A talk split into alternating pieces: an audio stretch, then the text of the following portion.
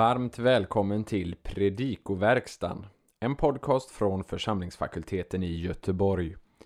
Daniel Johansson går igenom kommande söndags evangelietext till hjälp för dig som förbereder en predikan inför söndagen eller för dig som är allmänt intresserad av att veta mer om evangelietexten. På vår hemsida www.ffg.se kan du hitta information om hur du kan stödja fakultetens arbete för akademi och församling bland annat som genom den här podcasten. Men nu en genomgång av kommande söndags evangelietext. Vi önskar dig god lyssning. Andra årgångens evangelium för fjärde söndagen i advent är Lukas 1.30-35. Ängeln Gabriel uppenbarar för jungfru Maria att hon ska föda Messias. Vi inleder med att notera några saker att tänka på vid översättning av texten. Eh, texten finns uppstrukturerad och med understrykningar som handout på vår hemsida under fliken Predikoverkstan. Först då vers 30. Charin para to theo. Prepositionen para kan ha lokativisk betydelse, alltså ange plats eller rum. Nåd i Guds närhet. Mer sannolikt är dock att para introducerar det subjekt vars synpunkt är relevant för händelsen med betydelsen. Nåd enligt Guds bedömning eller nåd hos Gud. I vers 32 eh, stöter vi på hypsistos. Det substantiverade adjektivet saknar bestämd artikel och gör så genomgående hos Lukas. När det används i både evangeliet och apostlagärningarna åsyftas alltid Gud och superlativisk betydelse, alltså den högste. Kyrios eh, i samma vers saknar också artikel. Det beror sannolikt på att Kyrios här ersätter gudsnamnet JHVH. Septuaginta, den grekiska översättningen av Gamla Testamentet, återger genomgående gudsnamnet med Kyrios utan artikel. Vers 34 Epei andra ogenosko betyder ordagrant eftersom en man jag inte känner. Verbet genosko har sannolikt eh, sin gammaltestamentliga betydelse här att känna i sexuellt avseende. Alltså jag har ingen man med vilken jag har sexuellt umgänge. I vers 35 saknar pneuma hagion eh, också bestämd artikel. En del utläggare och översättningar, bland annat Bibel 2000, menar därför att det åsyftar Guds skapande och aktiva kraft. Eh, medan det stora flertalet ser en referens till den tredje personen i gudomen, den heliga ande. Grammatiken kan här inte avgöra frågan då namn på Gud eller gudomliga titlar mycket väl kan sakna bestämd artikel så som både Hypsisos och Kyrios gör i det här avsnittet. Saken måste istället avgöras utifrån Lukas allmänna beskrivning av anden och den stora roll anden spelar i hans dubbelverk. Och då kan man konstatera att Lukas framställer anden både som en person och som en kraft to genomenon hagion klethesetai hyos theo. To genomenon står i neutrum för att det åsyftar ett underförstått to teknon, barn eller to brefos, spädbarn. Båda substantiv i neutrum. Här föreligger nu tre olika möjligheter att översätta. Den naturliga översättningen är nog det heliga, underförstått barn, som föds ska kallas Guds son. Översätter man så blir hagion ett attributivt adjektiv till to genomenon. Och så översätts satsen i till exempel King James. Det som då skulle tala emot denna översättning är att hagion står efter substantivet utan att upprepa den bestämda artikeln vilket är normalfallet när adjektivet är attributivt. Bibel 2000 och folkbibeln översätter därför skall det kallas heligt och Guds son. I detta fallet har man participet to genomenon ensamt som subjekt till verbet klethesetai. Hagion fungerar som predikatsfyllnad och hyos theo står i sin tur i apposition till hagion, alltså en närmare beskrivning. Barnet ska kallas heligt i meningen Guds son. Ordföljden här där verbet åtskiljer helig och son talar däremot emot denna översättningen. Ett tredje alternativ är att hagion är predikatsfyllnad för en implicit form av verbet vara. Den som föds skall vara helig. Men då blir fortsättningen ganska märklig. Den som föds ska vara helig, ska kallas Guds son. Den första satsen följs av en likadan sats, men som till skillnad från den första innehåller ett finit verb. Ja, där är det tre olika översättningsalternativ att välja emellan.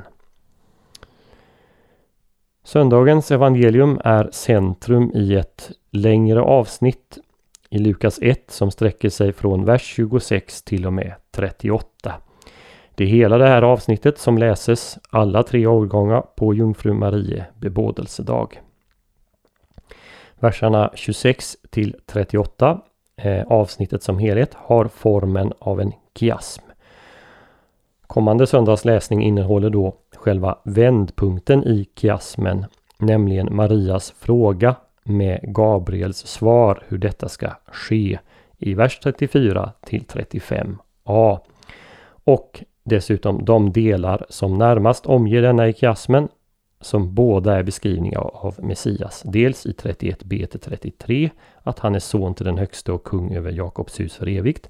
Och dels 35b att Messias är helig och Guds son. Så som texten ser ut på fjärde söndagen i advent eh, ligger fokus på Messias identitet, vem han är. Så eh, några korta kommentarer till enskilda detaljer i texten. I vers 30 säger ängeln att Maria Hevres Charin Parato Theo.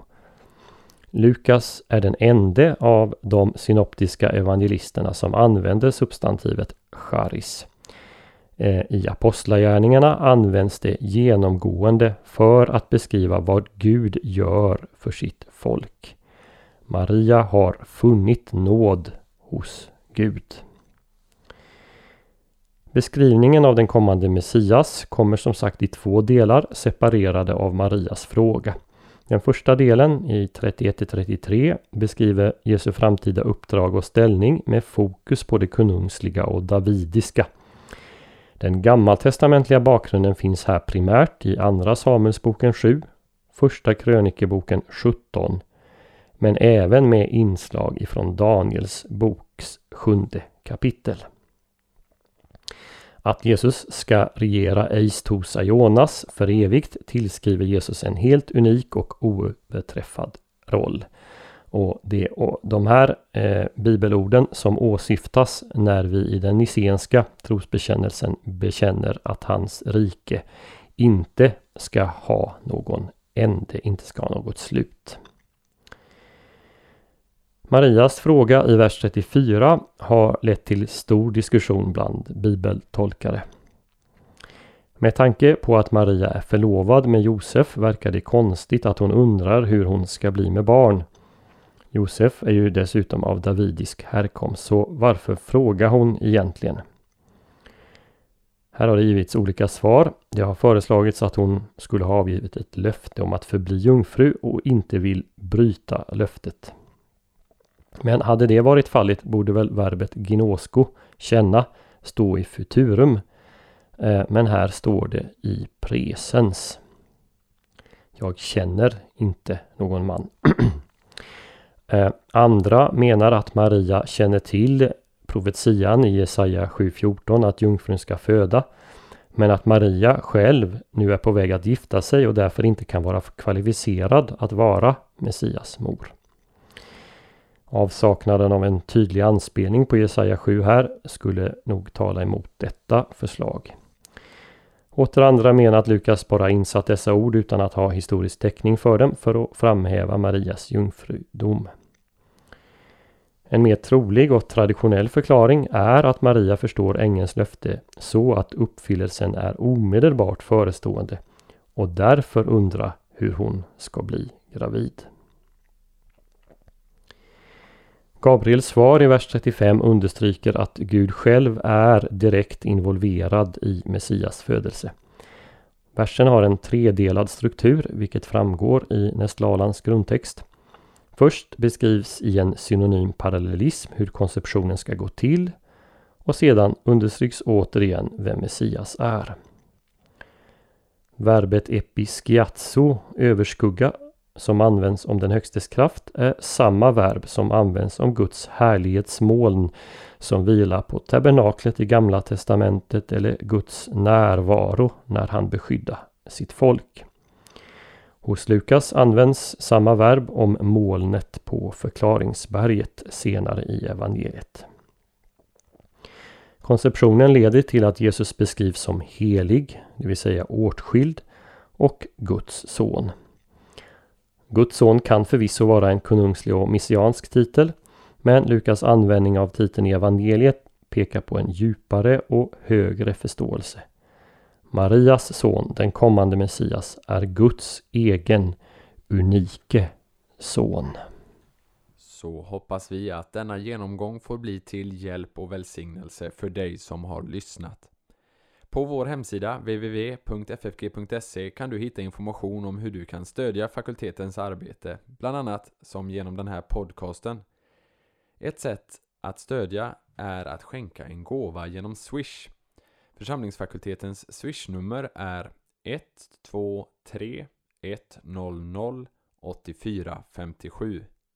Alltså 123 100 8457. Mottagaren som anges är Peter Isak Bens utbildningsstiftelse. Märk gärna gåvan FFG Podcast om du vill stötta just denna podden. Så önskar vi dig allt gott och Guds välsignelse. you